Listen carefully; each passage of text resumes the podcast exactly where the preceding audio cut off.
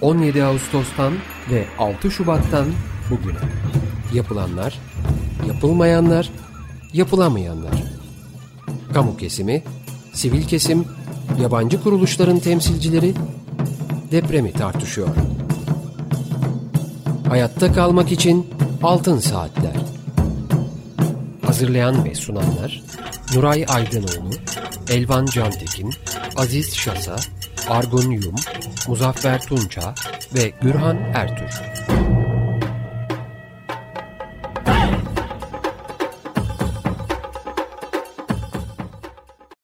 Açık Radyo'da Altın Saatler programındayız. Bugünkü programı Elvan Cantekin, Muzaffer Tunca, Nazan Cömert ve ben Gürhan Ertür birlikte sunacağız.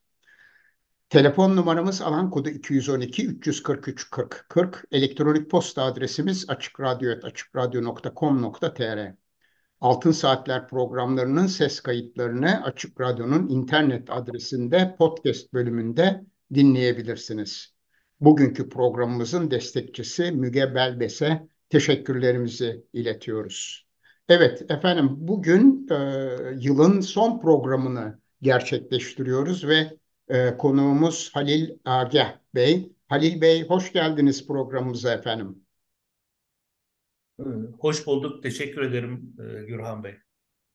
Evet, Halil Bey ben sizi çok kısaca tanıtmak istiyorum ama ondan önce diğer arkadaşlara da hoş geldin demek isterim. Elvan, Muzaffer ve e, Nazan. Merhabalar. Unutmadan program bitişinde biraz aceleye geliyoruz. Hemen e, şimdi isterseniz şeyi söyleyeyim. Tabii 2024 yılının e, herkes için iyi geçmesi dileklerimizi iletelim. Bir de afetsiz bir yıl olsun diye e, bu programın e, özüne de e, katkıda bulunalım. E, 2024 yılında herkes için e, güzel, mutlu bir yıl diliyoruz. Evet. Evet.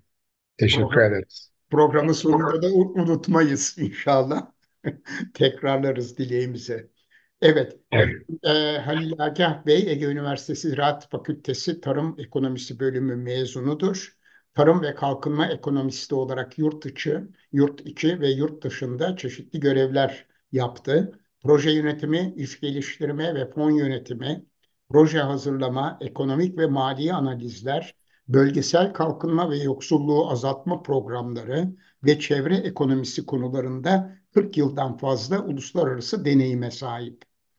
20 yıl süreyle Tarım Bakanlığı ve Başbakanlık GAP Bölge Kalkınma İdaresi Başkanlığı, 2 yıl Amerika Birleşik Devletleri'nde Oklahoma State Üniversitesi ve 16 yıl süreyle Dünya Bankası'nda kıdemli kalkınma uzman ve danışman olarak görev yaptı.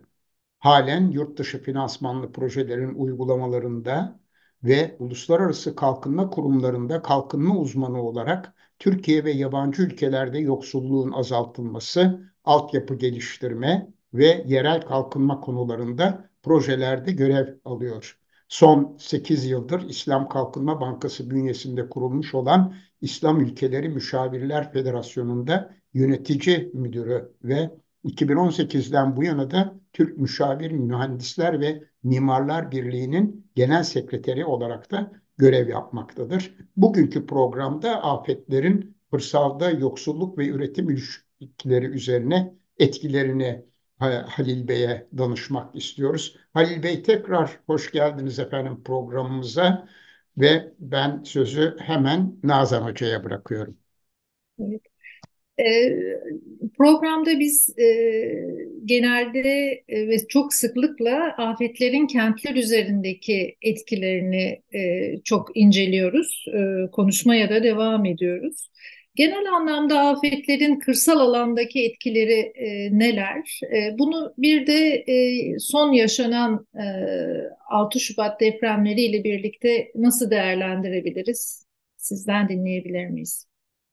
Tabii aslında e, tabii konuya doğrudan girmekten ziyade ben biraz da afetler kavramı üzerinde durmak istiyorum. Çünkü e, afetler e, özellikle bireyleri ve toplumların yaşamını doğrudan etkileyen, zaman zaman can ve mal kayıplarına neden olan olağanüstü e, olaylar olarak tanımlayabiliriz. İşte bunun içerisinde özellikle e, yerel toplumların yaşamını etkileyen, aksatan, bozan depremler, yangınlar, su baskını, e, heyelan, çığ düşmesi, kuraklık, kıtlık gibi doğal olayların tümüne biz afet diyoruz. Hatta belki de e, bizim yaşamadığımız işte tsunami gibi ya da kasırgaların sebep olduğu e, afetler kitlesel olarak e, insanları ve yerel toplumları doğrudan etkilemekte.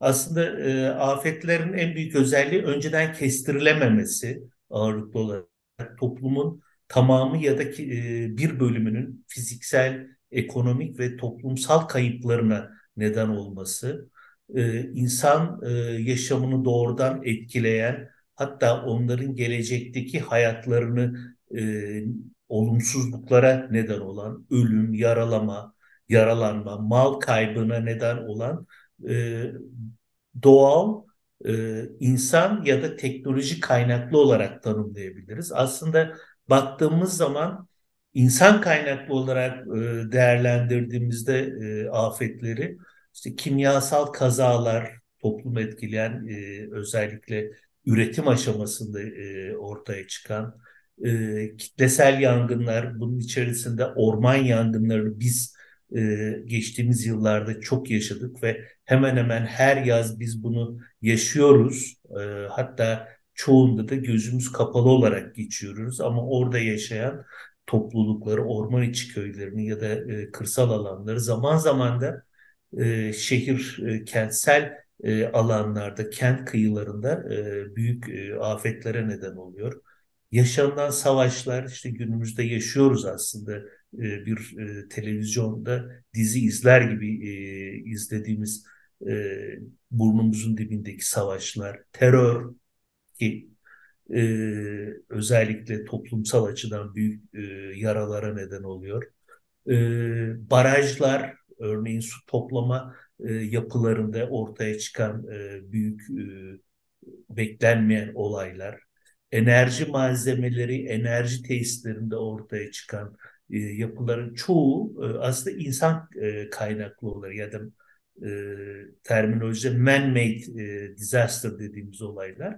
Bir de doğa kaynaklı olarak tanımladığımız ya da bunlar da işte hepimizin yaşadığı ve her günde belki yüreğimizi pırpır ettiren depremler, heyelanlar, toprak kaymaları, su baskınları, kaya düşmeleri, çığ gibi bir dizi e, yaşanan olayların tümüne biz afetler e, diyoruz ve e, aslında afetler e, ne, nedense nedenini biliyoruz.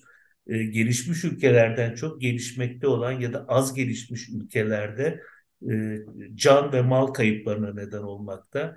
E, bildiğimiz kadarıyla e, afetlerin e, gelişmiş ülkelerde çoğu e, ya man-made oluyor ya da işte çığ ya da e, tornado gibi e, beklenmeyen e, afetler şeklinde görünmekte. Oysa gelişmekte olan ülkelerde en basitten kuraklık, kıtlık gibi yaşanan ve yüz binlerce insanı etkileyen ölüm, çocuk ölümlerinin yaygınlaştıran bir dizi olay yaşanıyor ve bunların da sebebini de gelişmişlikle ilgili ilgilendirmek ve bunun da kentsel ve kırsal olarak ayırmak da mümkün olabilir.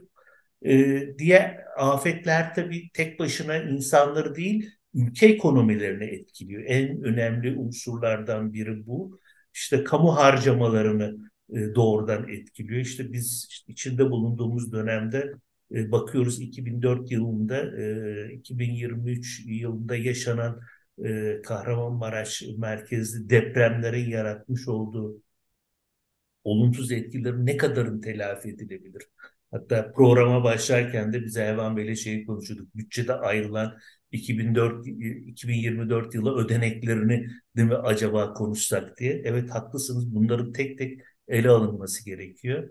Ee, aslında bir de diğer bir konuda e, özellikle kentlerde bu ve ana kentlerde e, nüfusun yoğun olmasından dolayı afetlere karşı duyulan kaygı ya da afetlerin etkisi orada daha fazla yaşanıyor.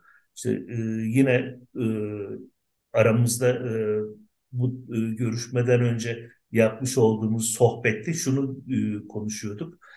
Kırsal alan, bugünkü konumuz kırsal alandaki yaşanan tahribatların ölçüsü nedir?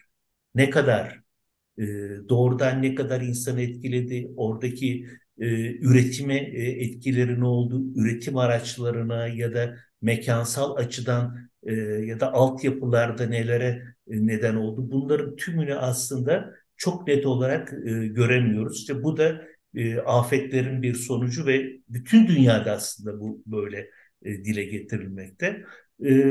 Aslında bir de kır, e, kırsalla ilgili olarak afetlerin etkileri de çok önemli. Örneğin afetlerin bir sosyolojik etkisinden bahsediyoruz biz. Yani insanlara doğrudan bazen bu kitlesel göçler halinde olabiliyor. Bazen insanların e, özellikle e, kümeler halinde yer değiştirmesi. Ki yaşadık biz bunu biliyorsunuz. E, Şubat depreminden e, sonra e, o bölgedeki insanlar e, zorunlu olarak kitlesel olarak evlerini, üretim alanlarını terk edip daha güvenli buldukları şehirlere göçmek zorunda kaldılar. İşte bu da afetlerin toplumsal destek ilişkileri ya da güven duygusu gibi konularda e, zayıflamalara neden olduğu için e, belki de diğer taraftan da toplumsal dayanışmayı arttıran bir unsur olarak sosyolojik etkilerini gördük. E, bahsettik ekonomik etkiler dedik. Ekonomik etkileri çok önemli. Bu parasal ve mal kayıplarının oluşmasına e, neden oluyor afetler. İşte biraz böyle her şeyi e, en yakın yaşadığımız afet olan deprem olarak depremle özgüleştiriyoruz ama e, geçtiğimiz birkaç yıl öncesinde de özellikle Akdeniz bölgesi ve e, Güney Ege'de yaşanan e, büyük yangınların yaratmış olduğu e, kayıpların, ekonomik kayıpların e, varlığını sanki biraz unutmuş gibi olduk ama orada yaşananlar halen bir e, yara olarak kanamakta.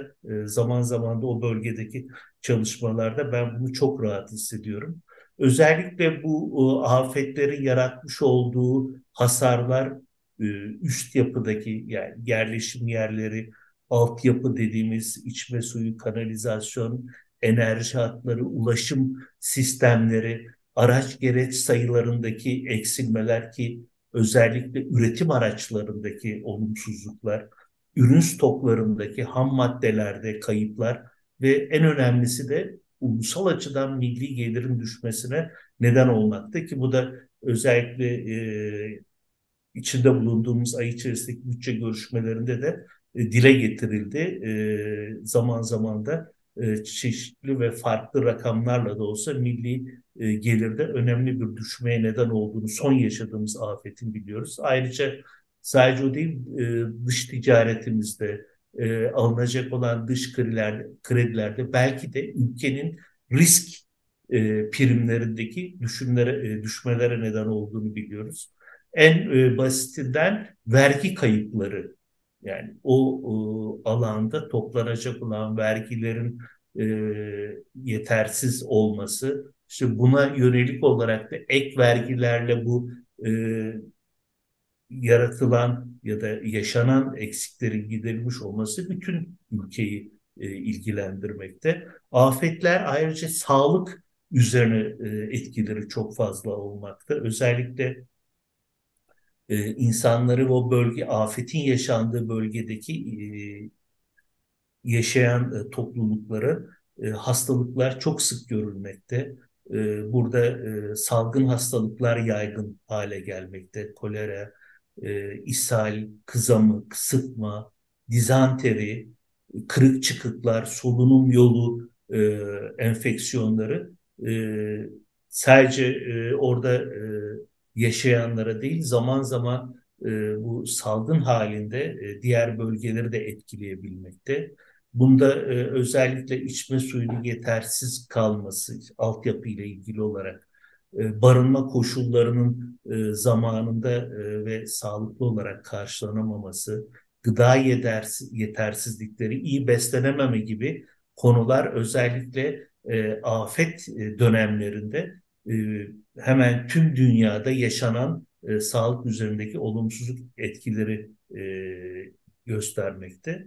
E, diğer bir konu eğitim üzerine etkileri çok önemli olmakta. E, afetler sırasında eğitim kurumları ve eğitim için en önemli e, kaynak olan insan e, kaynağına e, zarar vermekte ve e, bireylerin topluma katılımları için gerekli olan bilgi, beceri ve e, etik değerlerdeki e, yeterince e, yoğunlaşılamaması da e, özellikle çocuklara ve gençler üzerindeki e, olumsuz etkilerini ortaya koymakta.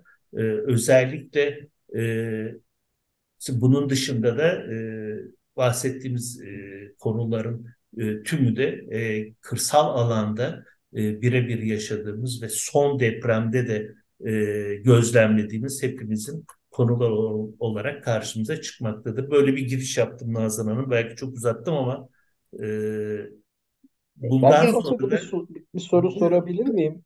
Ee, şimdi e, bu özellikle hani deprem e, kaynaklı afetlerde e, siz de belirttiniz e, üst yapı, altyapı, e, fiziksel kayıplar konusunda bir takım tahminlerin ve bir takım hesaplamaların yapılması çok kolay oluyor. E, çok daha doğrudan yapılabiliyor ve bu konuda e, rakamlar hep onun üzerinde e, duruluyor diyeyim. E, fakat e, kırsal alandaki hasarlar konusunda aynı netlik yok galiba. E, ve e, bu anlamda yani e, şey devletin raporlarına da baktığınızda esasında e, yap hasar tespitle ilgili olan e, rakamlarda işte kırsal alanda birkaç ağılın yıkılması, şu bu filan gibi bazı e, fiziksel hasarların ötesinde bir değerlendirme maalesef yapılamıyor. İşte imalat sektöründeki kayıplar oluyor, onlar üzerinde e, bir takım tahminlerde bulunuyor filan. Yani şu, orada detaya girilirken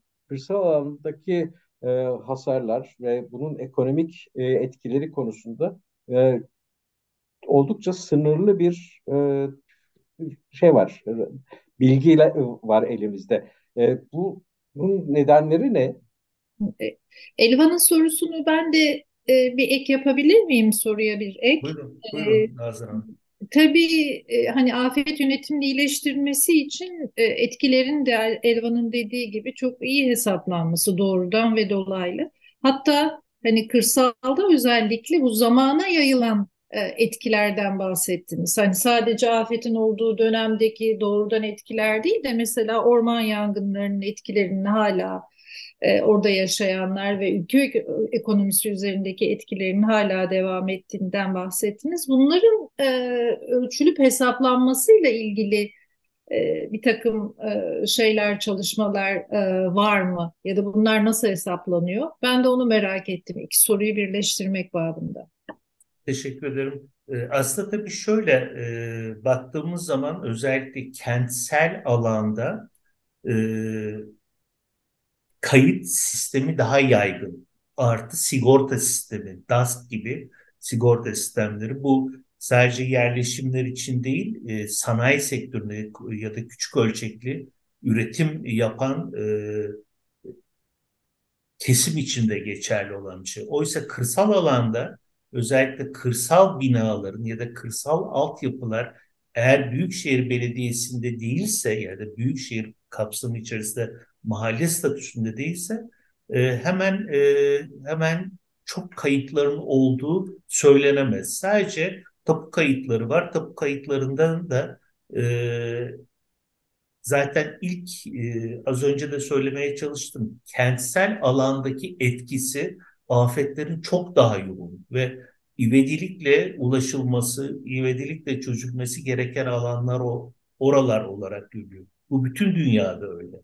Kırsal alanda ise e, nüfus yoğunluğu ve yerleşim yoğunluğu düşük olduğu için oralardaki etkileri e, daha e, az olarak tanımlanıyor.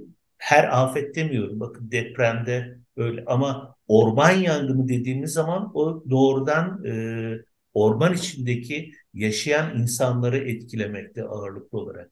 Şimdi deprem bölgesine baktığımız zaman bu yıl yaşadığımız depremle ilgili olarak sadece ekonomik kayıplar değil, insan kayıpları, kayıtların da çok doğru olduğunu herhalde e, hepimiz e, inanmıyoruz. Şöyle ki, e, kentsel alandaki kentsel e, göçüklerde e, ya da enkazlardan çıkarılan kayıtlar e, doğrudan kayıt altına alınırken kent, e, kırsal alanda özellikle zaten e, yapıların e, yığma yapı olduğu için e, gerek e, meskenler gerekse e, hayvan e, bakım alanları, e, ağıllar, ahırlar ve benzeri yapılar.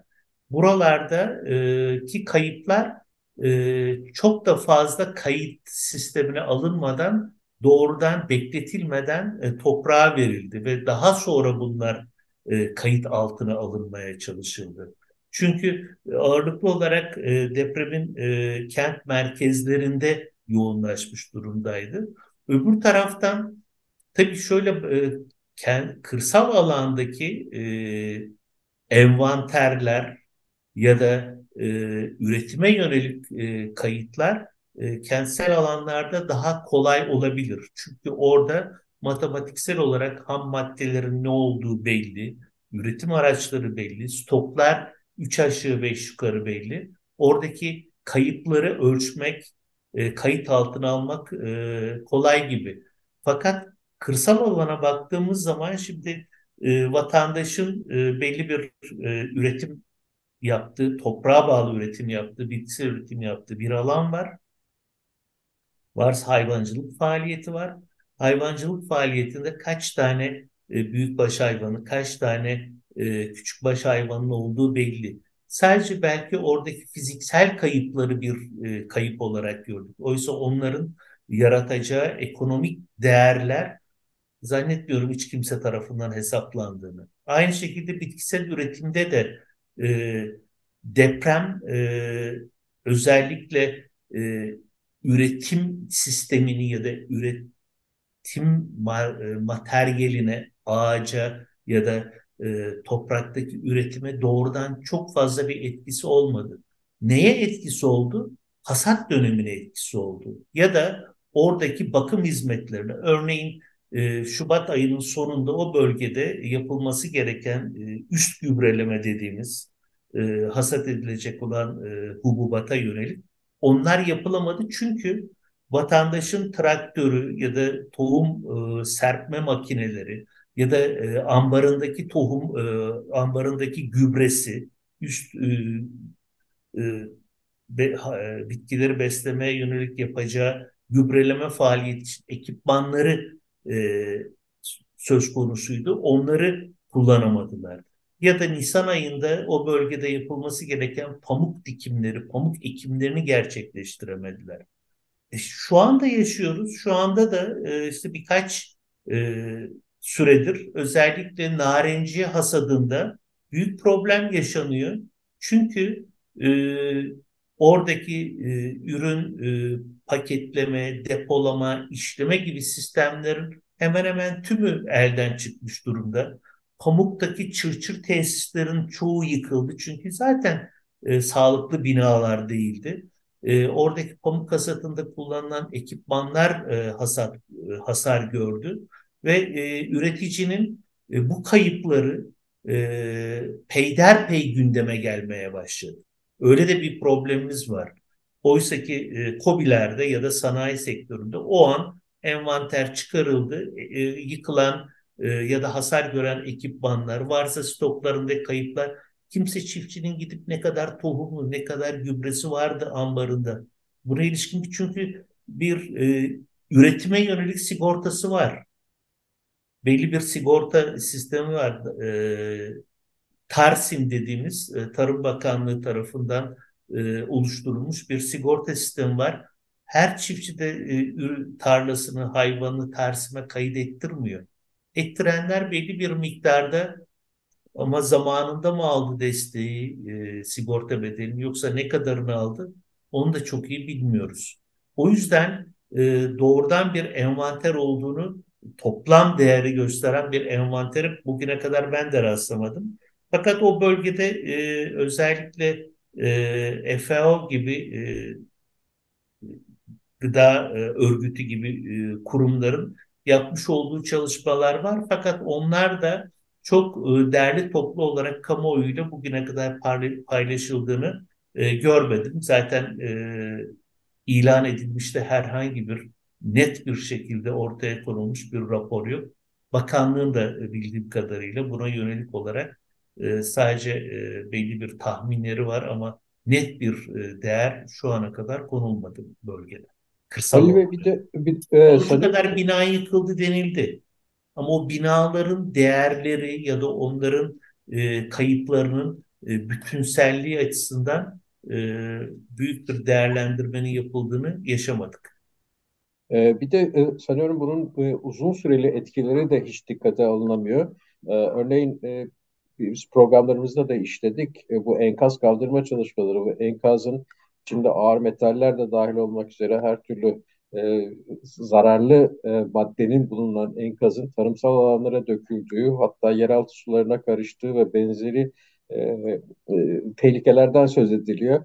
E, bunların oluşturacağı riskler konusunda bir değerlendirmeyi ben daha göremedim. Uzun dönemde bu şekilde herhalde bir e, problemle de karşı karşıya kalacağız diye düşünüyorum. Tabii, tabii haklısınız Elvan Bey. Aynı şekilde şu an e, birinci sınıf tarım alanları e, kentsel dönüşüm ya da yeniden yerleşim e, kapsamında imara açılıyor. Yani zeytini biliyor, görüyoruz işte yaşıyoruz. İnsanlar feryat ediyor zeytinlikleri ya da e, birinci sınıf tarım alanlarına. Şu an e, neredeyse 5-6 ilde doğrudan e, yapılan e, TOKİ'nin yapmış olduğu, Konti idaresinin yapmış olduğu e, mekansal değişimle e, sağlanan e, binaların oluşturulması için tahsis edilmiş durumda ve insanların üretim araçları dediğimiz işte zeytinlikleri yok oluyor. O zeytinliklerde belki yüzlerce yıl önce oluşturulmuş ve verimli dünyanın en e, nadide zeytin ve zeytinyağı üretiminin yapıldığı bir bölgeden bahsediyoruz. Sadece Hatay'da değil, e, bu e, Kahramanmaraş için, Adıyaman için, Gaziantep'in belli ilçeleri için de söz konusu durumda. Osmaniye'de. Şey özellikle bu yeniden toparlanma döneminin doğru ve etkin bir şekilde gerçekleştirebilmesi için mevcut hasarın e, doğru tespit edilmesi gerekiyor diye e, biliyorum ben. O şekilde e, bir çalışmanın başlangıçta yapılması, ona göre işte stratejilerin geliştirilmesi, ona göre planların yapılması söz konusu olmalı. Bu konuda biz bu sizin verdiğiniz bilgilerden de anlıyoruz ki bir hasar tespiti e, yapamamışız, yapamıyoruz. Peki dünyada da böyle mi? Yani siz Dünya Bankası, e, İslam Kalkınma Bankası yanlış hatırlamıyorsam başta verilen şeyler değişik uluslararası kuruluşlarda özellikle kalkınma alanında çalışan kuruluşlarda e, görev aldınız, görev almaya devam ediyorsunuz. O noktada yani e, bu Türkiye'ye has bir durum mu yoksa dünyada da genelde böyle bir problemle karşı karşıya mıyız? Ya aslında dünyada da böyle bir durumla karşı karşıyayız. E, dediğim gibi özellikle afetler doğrudan e, yani afetlerin e, afetlerden en olumsuz olarak etkilenen e, gruplar nüfus yoğunluğunun fazla olduğu e, ve e, işte kentsel kent ve kent çeperlerindeki alanlar olarak görülüyor. Aslında 1999 depremini yaşadık. Yani 99 depreminde biz neyi ölçtük? Bir e, yaşanan e, depremin e, kent merkezlerindeki ya da kent çeperlerindeki etkileri 99 yılının 17 Ağustos 1999 depremini düşünün. Daha sonra Düzce depremini, e, binaları, fabrikaları, yolları onları değerlendir. Kırsal alana o zaman da baktık mı? O zaman da hiçbir şey yoktu. Kırsal alandaki kayıplar çünkü orada ağırlıklı olarak kentin e, değerlendirmesi yapıldı. Örneğin 99 e, depreminden sonra İSMEP diye bir proje başladık. Ben o zaman Dünya Bankası'nda çalışıyordum ve bizim oradaki asıl amacımız İstanbul'daki e, özellikle İstanbul merkezindeki ve e, İstanbul merkezinde e, sismik riskin azaltılması ve acil durum İSMEP diye bir proje oluşturuldu. Kamu binalarının güçlendirilmesi ve e, deprem riskine karşı e, bunların e, hazırlanmasıydı. Hatta ona ilişkin olarak da bir e, PIU proje e, yönetim e, koordinasyon birimi oluşturuldu İstanbul Valiliğin başkanlığında e, ya da sorumluluğunda. E, 2014'ten bugüne kadar yaklaşık 1350 tane okul binasının güçlendirilmesi. Yani bunu özellikle bazı rakamları veriyorum ki e, bunlar ağırlıklı olarak İstanbul kent merkezindeki olan e, okul binaları, e, sınıflar, sınıf e, derslikler. Yaklaşık 115 tane hastane, poliklinik, sağlık ocağı depreme karşı güçlendirildi, hazır hale getirildi. Üç tane yeni hastane yapıldı sıfırdan ve tarihi kent merkezindeki tarihi e, ve kültürel mirasa e, özgü olan e, binaların güçlendirilmesi yapıldı. Kırsal alana ilişkin hiçbir şey yok. İstanbul oysa sadece kent merkezi miydi? Değil, halen de yok. E, şu an proje yürüyor. İlk Dünya Bankası finansmanıyla Avrupa Yatırım Bankası, İslam Kalkınma Bankası birçok e, fon buraya destek oluyor. Ama İSPEP projesi gene kent merkezinde. Oysa Silivri'de ya da Çatalca'da e, işte e, başka kırsal alan olan kırsal üretimin yapıldığı yerlerde herhangi bir şey yapıldığını ne duydum ne gördüm. Oralara İstanbul Büyükşehir Belediyesi gidip oradaki kırsal alanda düzenlemeler ya da üretimleri geliştirmeye çalışıyor. Yani e, Elvan Bey'in sorduğu sorunun aslında cevabı da burada. Biz de bakarken de işte e, yine şey gibi görüyoruz. E, kent merkezi gibi. En son e, İslam Kalkınma Bankası'nın Pakistan'da bu e, taşkınla e, flood management dediğimiz özellikle selle ilgili olarak bu yıl yaşanan e, büyük bir felaketi vardı. Daha doğrusu geçen yıl e, sonunda olmuştu. E, orada da ağırlıklı olarak yapılan şeyler e, binaların yeniden yapılması, altyapıların oluşturulması. E, hakikaten kırsal alana ilişkin yapılan hemen hemen hiçbir şey yok. Orada da milyonlarca dolarlık yatırımlar ağırlıklı olarak. E niye? Çünkü e, etkilenen nüfusun yüzde 95'i e, hemen hemen kentsel alanda yaşıyor. Ama yanlış hatırlamıyorsam o felakette, Pakistan'daki felakette Pakistan'ın tarımsal üretiminin üçte biri yok oldu. Yani e, olağanüstü büyük bir hasar verdi ve oraya kırsal alandaki bir yatırımın olmaması da şaşırtıcı yani. Ay şöyle kırsal alandaki yatırım e, dedim e, örneğin e,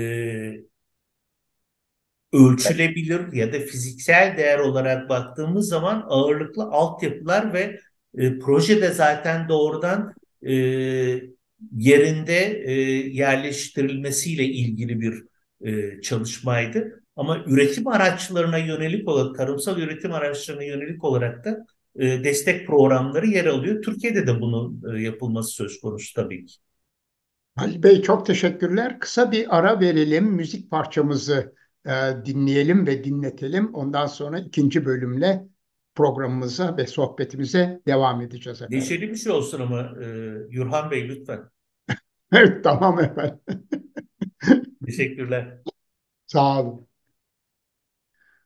Evet, Açık Radyo'dayız. Altın Saatler programındayız ve bugün konuğumuz Halil Agah Bey. Kendisiyle özellikle afetlerin kırsalda yoksulluk ve üretim ilişkileri üzerine etkilerini konuşuyoruz. Söz Nazan Cömert'te. Evet, birinci bölümde e, özellikle kırsal alandaki etkilerin e, tam olarak ölçülemediğinden bahsettik. Bu biraz da e, afet öncesi dönemle ilgili e, kayıtların, e, bilginin tam olarak elimizde olmamasıyla alakalı olabilir mi? Bir de e, tabii yaşanan her afet e, birçok şeyi görünür kılıyor. Yani mevcut zamanda, normal zamanda e, tam olarak gözlemleyemediğimiz e, problemleri biraz da gün ışığına çıkartıyor.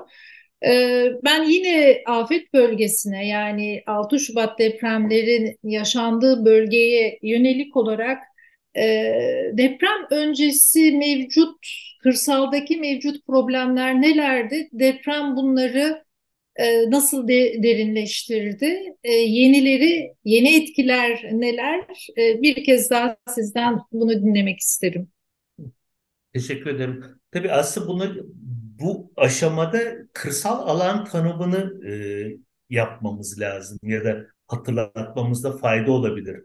E, aslında e, kırsal alan e, kısaca kırsal alana baktığımız zaman ekonomisi tarıma dayalı ve yüz yüze ilişkilerin en yaygın olduğu iş bölümü ve uzmanlaşmanın gelişmediği toplumsal ortamlarda yaşayan insanları ve toplulukları e, bulunduğu bölgeye kırsal alan diyoruz. Yani ya da diğer bir tanımla da şöyle diyebiliriz. Kırsal alan doğal sınırlarla biçimlenmiş ve bu sınırlar içerisinde kilometre kareye başına düşen insan sayısı 150'nin altında olan coğrafi bir bütünlük içerisinde kendine özgü e, tab tabiat ya da doğası ve havası olan gerek akrabalık ve komşuluk ilişkileriyle ör, örünlenmiş ve ekolojik, ekonomik, kültürel ve sosyal bir alandır. Yani baktığımız zaman şu an bizim içinde yaşadığımız e, kentsel dokunun çok dışında bir yapıdan bahsediyoruz. İşte bu e, doku aslında e, Nazan Hanım sizin sormuş olduğunuz e, örgütlülüğün yaygınlaşmaması, e, ilişkilerin akrabalık ya da toplumsal ilişkilerin e, belli bir e, formasyona dayanmadığı yapı içerisinde e, bunları e, bir anda e, bilgilerinin toplanması, derlenmesi e, oldukça zor. E, örneğin e, Dünya Bankası ile yürütmüş olduğumuz e, tarım reformu uygulama programı kapsamında e, şöyle bir şey yapılmıştı. E, en büyük oradaki kredi fonlarından birisi kırsal alandaki kadastro faaliyetleri güncellenmesi, tapu kayıtlarının güncellenmesiydi. Ama işte 2006'larda filan başlayan işler tamamlanmış olmasına rağmen mirasla birlikte yeniden bölünmeler, işte toplulaştırma, e, arazilerin, küçük arazilerin bütünleştirilip üretime geliştirilmesi, yaygınlaştırılması bunların hepsi aslında kayıt sistemlerinin geliştirilmesi, gelişmesi olmasına rağmen istenilen ölçeklerde yapıldığını görmüyoruz. Örneğin çiftçi kayıt sistemi diye bir şey var kırsal alanda. Tarımsal üretim yapan e, çiftçilerin belli bir kayıt sistemi içerisinde hem e, topraklarını hem hayvan, e, büyükbaş ve küçükbaş hayvanlarını ki onları da kulak küpesi takılaraktan e, izlenmesine e, içeren bir sistem. Fakat e, etkinliğinin ne kadar e, doğru olduğunu, ne kadar doğru işlediğini de bilemiyoruz. Bir de onun ötesinde şu an Türkiye'de yaklaşık olarak kırsal nitelikli 80 binin üzerinde bir e, yerleşim şekli var. Yani bunun içerisinde e, bildiğimiz köyler, e, alt e, köy yerleşim yerleri, kom dediğimiz, küme dediğimiz e, yapıların hepsi e, aslında bunun içerisinde e, bunun yaklaşık yüzde ellisi köy olarak niteleniyor. Ki bunların da 6360 sayılı büyükşehir yasası ile birlikte 30 ilde e, toplam e, yerleşimlerin yüzde 35'i köy olarak da tanımlanmıyor. Hatta kırsal alan diye de tanımlanmıyor. Onların hepsi mahalle oldu. Kırsal mahalle niteliğine büründü ve belki oradaki e, büyükşehir belediyelerinin bu kayıt sistemini etkin kura, kurabilmeleri önemli. Fakat orada da kurumlar arası ilişkilerin iyi olması lazım. Yani orada e, Çevre ve Şehircilik Bakanlığı'na bağlı tapu e, faaliyetlerinin e, etkin olarak oluşturulması, bunun e, belediye sistemleriyle örtüştürülmesi, buna bağlı Maliye Bakanlığı'nın Gelirler İdaresi'nin bu sistemler üzerinden vergilendirme yapabilmesi, bildiğiniz gibi kırsal alanda tarımsal üretim e, yapılan alanların çoğunda herhangi bir vergi sistemi söz konusu değil. E, e, şey e, emlak vergisi gibi konularda yeterince e, oluşturulmadığından oysa bir iz bedel bile alınsa bir lira bile alınmış olsa onu kayıt sisteminde görme şansımız olabilirdi. Binaları aynı şekilde. Yani bunları iz bedellerle kayıt altına alınabilse iz bedellerle yani işte e, atıyorum metrekare başına 1 lira alınsa ya da 1 kuruş alınsa bunların kayıtlarının daha etkin olması e, Elvan Bey'in sorduğu baştaki sorulara e, cevap verebilecek hale gelmesi mümkün görünüyor. Ama e, biliyorsunuz bazen politik bazen oy kaygılarıyla yapılmayan işlerden birisi de e, bu kayıt sistemlerinin etkin olmaması. Böyle olduğu için de işte yaşanan afetler, işte geçtiğimiz yıllar, ben sadece depreme yoğunlaşmak istemiyorum. Geçtiğimiz yıllarda yaşanan e, orman yangınları, heyelan gibi konularda da e, kayıpların yeterince karşılandığını düşünmüyorum.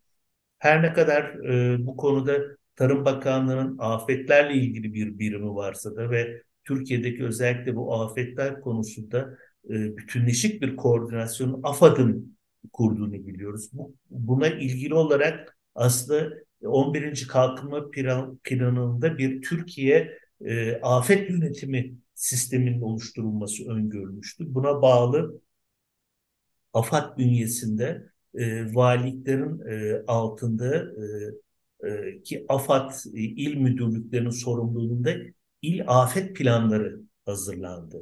Hatta buna ilişkin tatbikatlar yapılır. E, zaman zaman küçük şehirlerde daha çok duyulur. Sirenlerle işte neler yapılacağı. İşte bu planların e, sürekli olarak aktif hale gelmesi, bunun kırsala yönlendirilmesi. Biz maalesef bu e, planlarda da ağırlıklı olarak hep kent merkezlerini görüyoruz. Niye? Çünkü e, kent merkezinde yaşayan insanlar daha çok etkileniyorlar. Üretim daha çok orada, gelir, kamu gelirleri orada, ticari kaygılar orada yatıyor. E, oysa kırsal alandaki üretimler e, bir bölümü kayıt dışı olduğu için, bir bölümü ya da oradaki altyapılar çok e,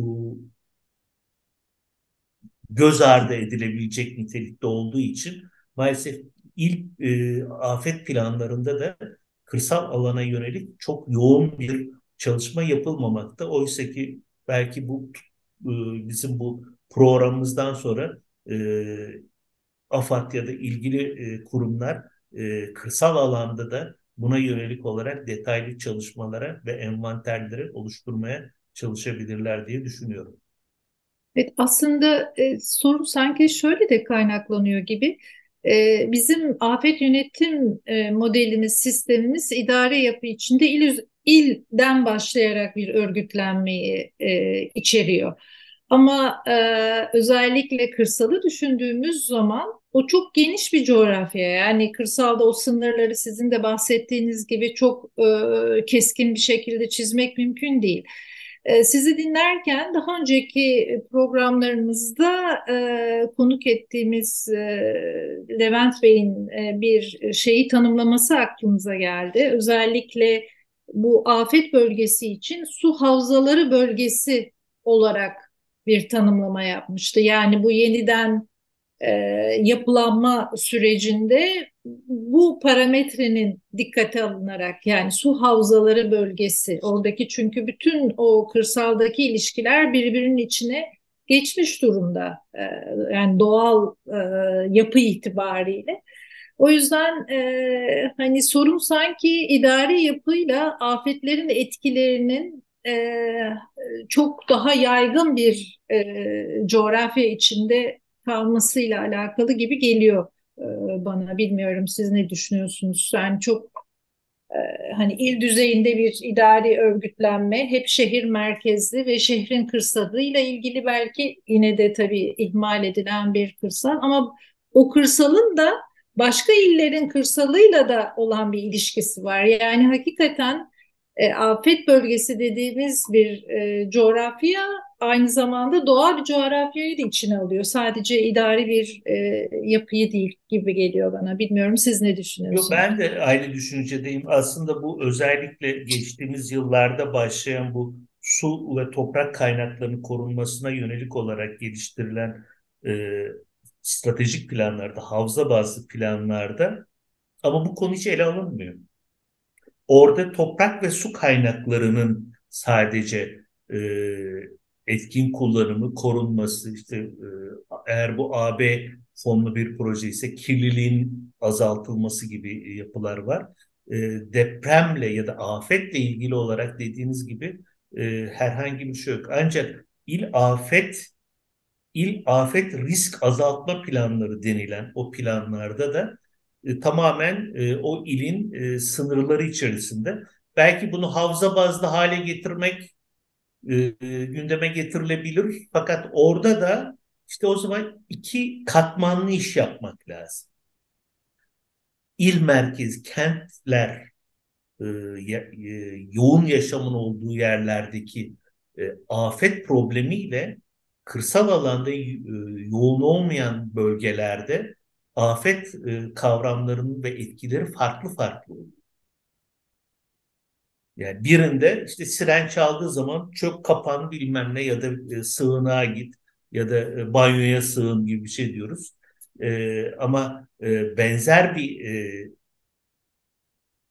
afet ya da benzer diyelim deprem e, kırsal alanda olduğu zaman oradaki etkileri ya da oradaki alınacak tedbirlerin e, çok farklı olduğunu biliyoruz. O yüzden de e, şu ana kadar e, AFAD'ın ağırlıklı olarak hazırlamış olduğu stratejik planlarda ağırlıklı kent merkezleri yer alıyor.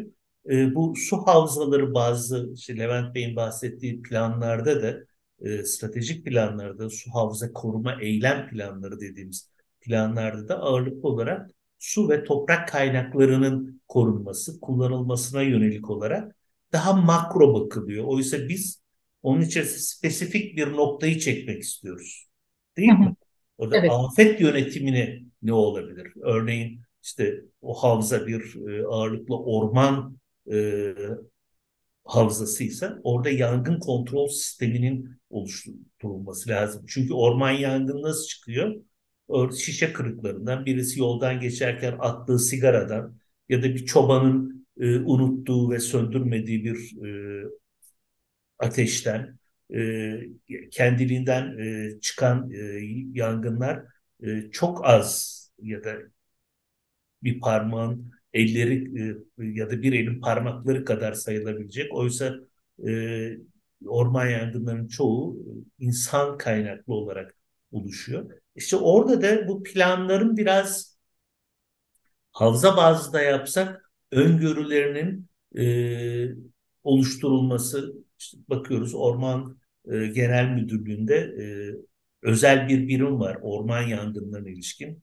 Gözlem istasyonları var. Onların online izlendiği sistemler var. E, daha başka neler yapılabilir? E, ya da orada alınabilecek tedbirler ne olabilir?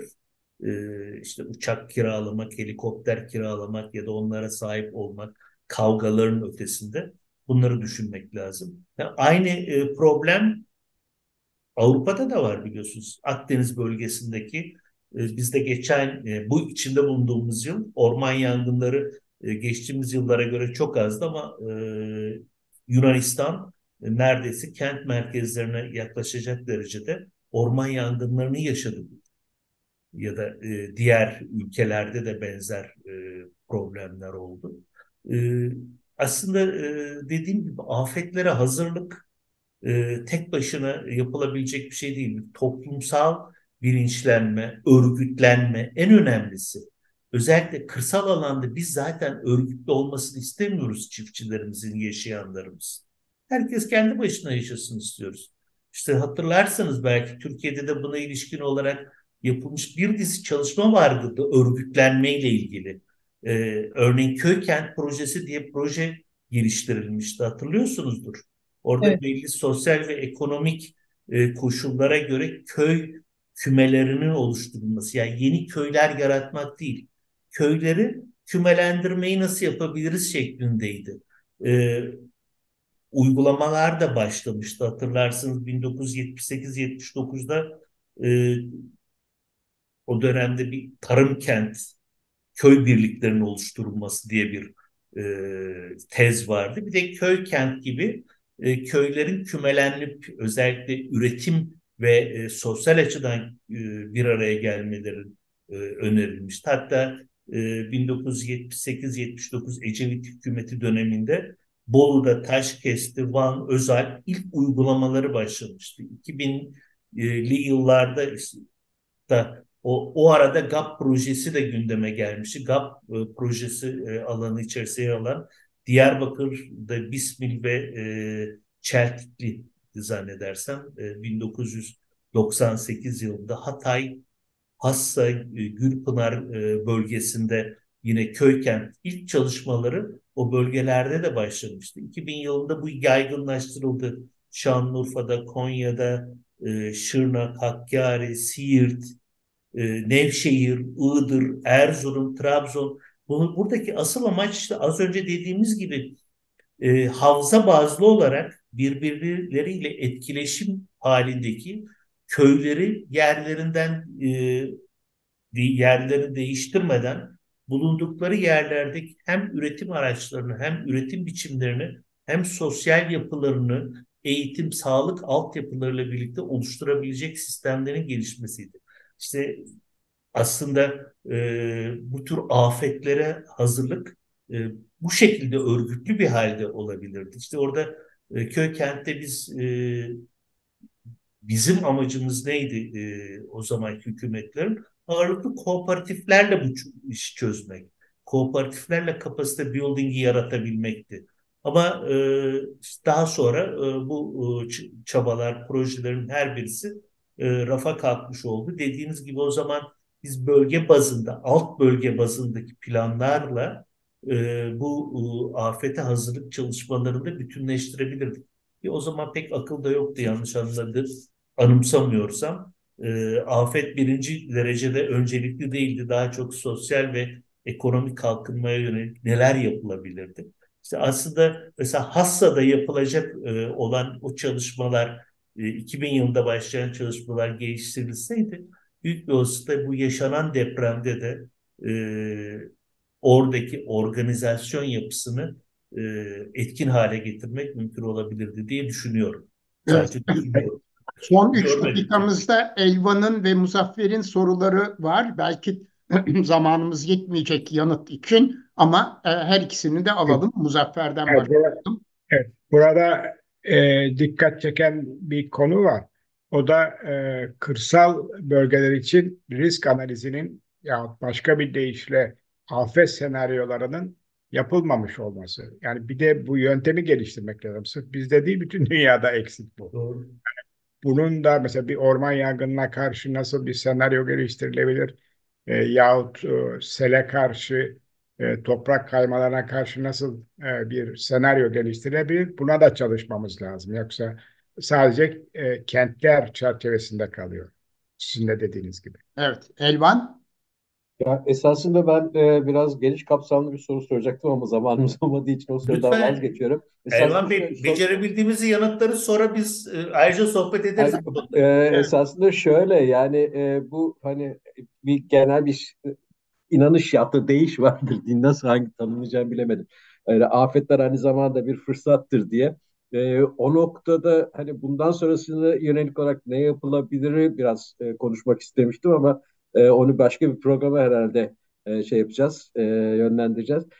Bu noktada bölgesel kalkınma ajanslarının rolü ne olabilir? Bu e, çünkü onların da program şeylerine baktım. E, özellikle işte o bölgedeki e, Çukurova bölgesindeki kalkınma ajansının e, ta, yani kırsal alanla ilgili spesifik hiçbir şey göremedim. Bu Niye? Durum... Niye dersiniz? Valla bu sorunun cevabı sizden Böl Bölge kalkınma ajansları kime bağlı? Sanayi ve Teknoloji Bakanlığı'na değil mi? Yani e, onun bakış açısı e, COBİ'ler, sanayi üretimi, Tabii. Yani hatta oradaki kırsal alandaki değer zinciri yaratabilecek tesisler bile öngörülmüyor. Çok nadir birkaç tane e, ajansta bunu e, görebiliriz. Şimdi e, hemen iki dakika e, bir şey söyleyeyim. Özellikle Elvan Bey'in sorusuna. Kırsal bölgelerde e, afetleri bir e, fırsat olarak görebiliriz. Ben de size yüzde yüz katılıyorum. Örneğin e, afet sonrasında yeniden yerleşimlerde bir toplumsal kalkınma projesi olarak görülebilir. Sadece bir mekansal bina projesi değil, bir toplumsal kalkınma projesi diye düşünebilir. Yani neler yapılabilir fırsat olarak görürsek. Artı özellikle kişiler ve tarımsal üretim ekonomisi üzerinde olumsuz etkilerini en aza indirebilen e, stratejiler geliştirilebilir. Yani afet zedelerin daha üretken hale gelmesi, kendine yetecek derecede örgütlenmelerini sağlayan afet sonrası yeniden yerleşim, illa onları bir yere taşımak değil, bulundukları yerlerde de bu yapı, bu örgütlenme yapısıyla orada e, üretkenlikleri arttırılabilir. Sürekli eğitim sistemleri geliştirilebilir. Yani sadece temel eğitim değil, e, beceri kazandırma eğitimleriyle onların e, gençleri, kadınları, e, yoksulları daha e, etkin hale getirilebilir ve burada yerel yönetimlere çok büyük kamu ve yerel yönetimlere e, görevler düşmekte. Aslında bunlar ve gönüllü kuruluşlarla belki uluslararası e, kurumlarla birlikte bu e, çok rahat yapılabilir. Diğer bir konuda aslında burada söylenebilecek bir şey e, özellikle altyapılar, barınma, kırsal alana yönelik söyledim. Zaten kentsel alanda onları mükemmel yapıyoruz ama kırsal alanda hanelerin e, barınma sorunları, yaşam için gerekli olan altyapı hizmetleri için bunun içerisinde enerji, ulaşım, içme suyu, hijyen, arıtma, sağlık hizmetleri gibi konuların yanında toplumsal cinsiyet. Bakın çok önemli bunu hep göz ardı ediliyor. Ee, üretim araçları ve üretim araçlarının etkinliği en önemlisi toplumsal örgütlenme. İlla ki bu kırs, e, ta, e, çiftçilerin değil, o bölgede yaşayan insanların bir araya gelmelerini olanak sağlayacak konular ve en önemlisi de e, afet sonrasında ya da afetle birlikte o bölgelere e, bahsettiğiniz gibi pozitif ayrımcılığı sağlayabilecek sistemlerin geliştirilmesi lazım diye düşünüyorum. İşte bu fırsatları iyi değerlendirebiliriz belki e, eğer e, politikacılara ve e, belki yasa yapıcılara bunları önerebilirsek.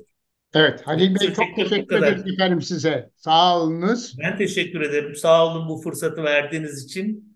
Ee, Zamanımız yetmedi. Ee, belki bir başka programda konuyu biraz daha derinleştirme fırsatını bulabiliriz. Her çok zaman. çok teşekkürler efendim. Ben teşekkür ediyorum. Sağ olun katkılarınız ve yönlendirmeleriniz için Nazan Hanım, e, Muzaffer Bey, Elvan Bey ve e, Gürhan Bey.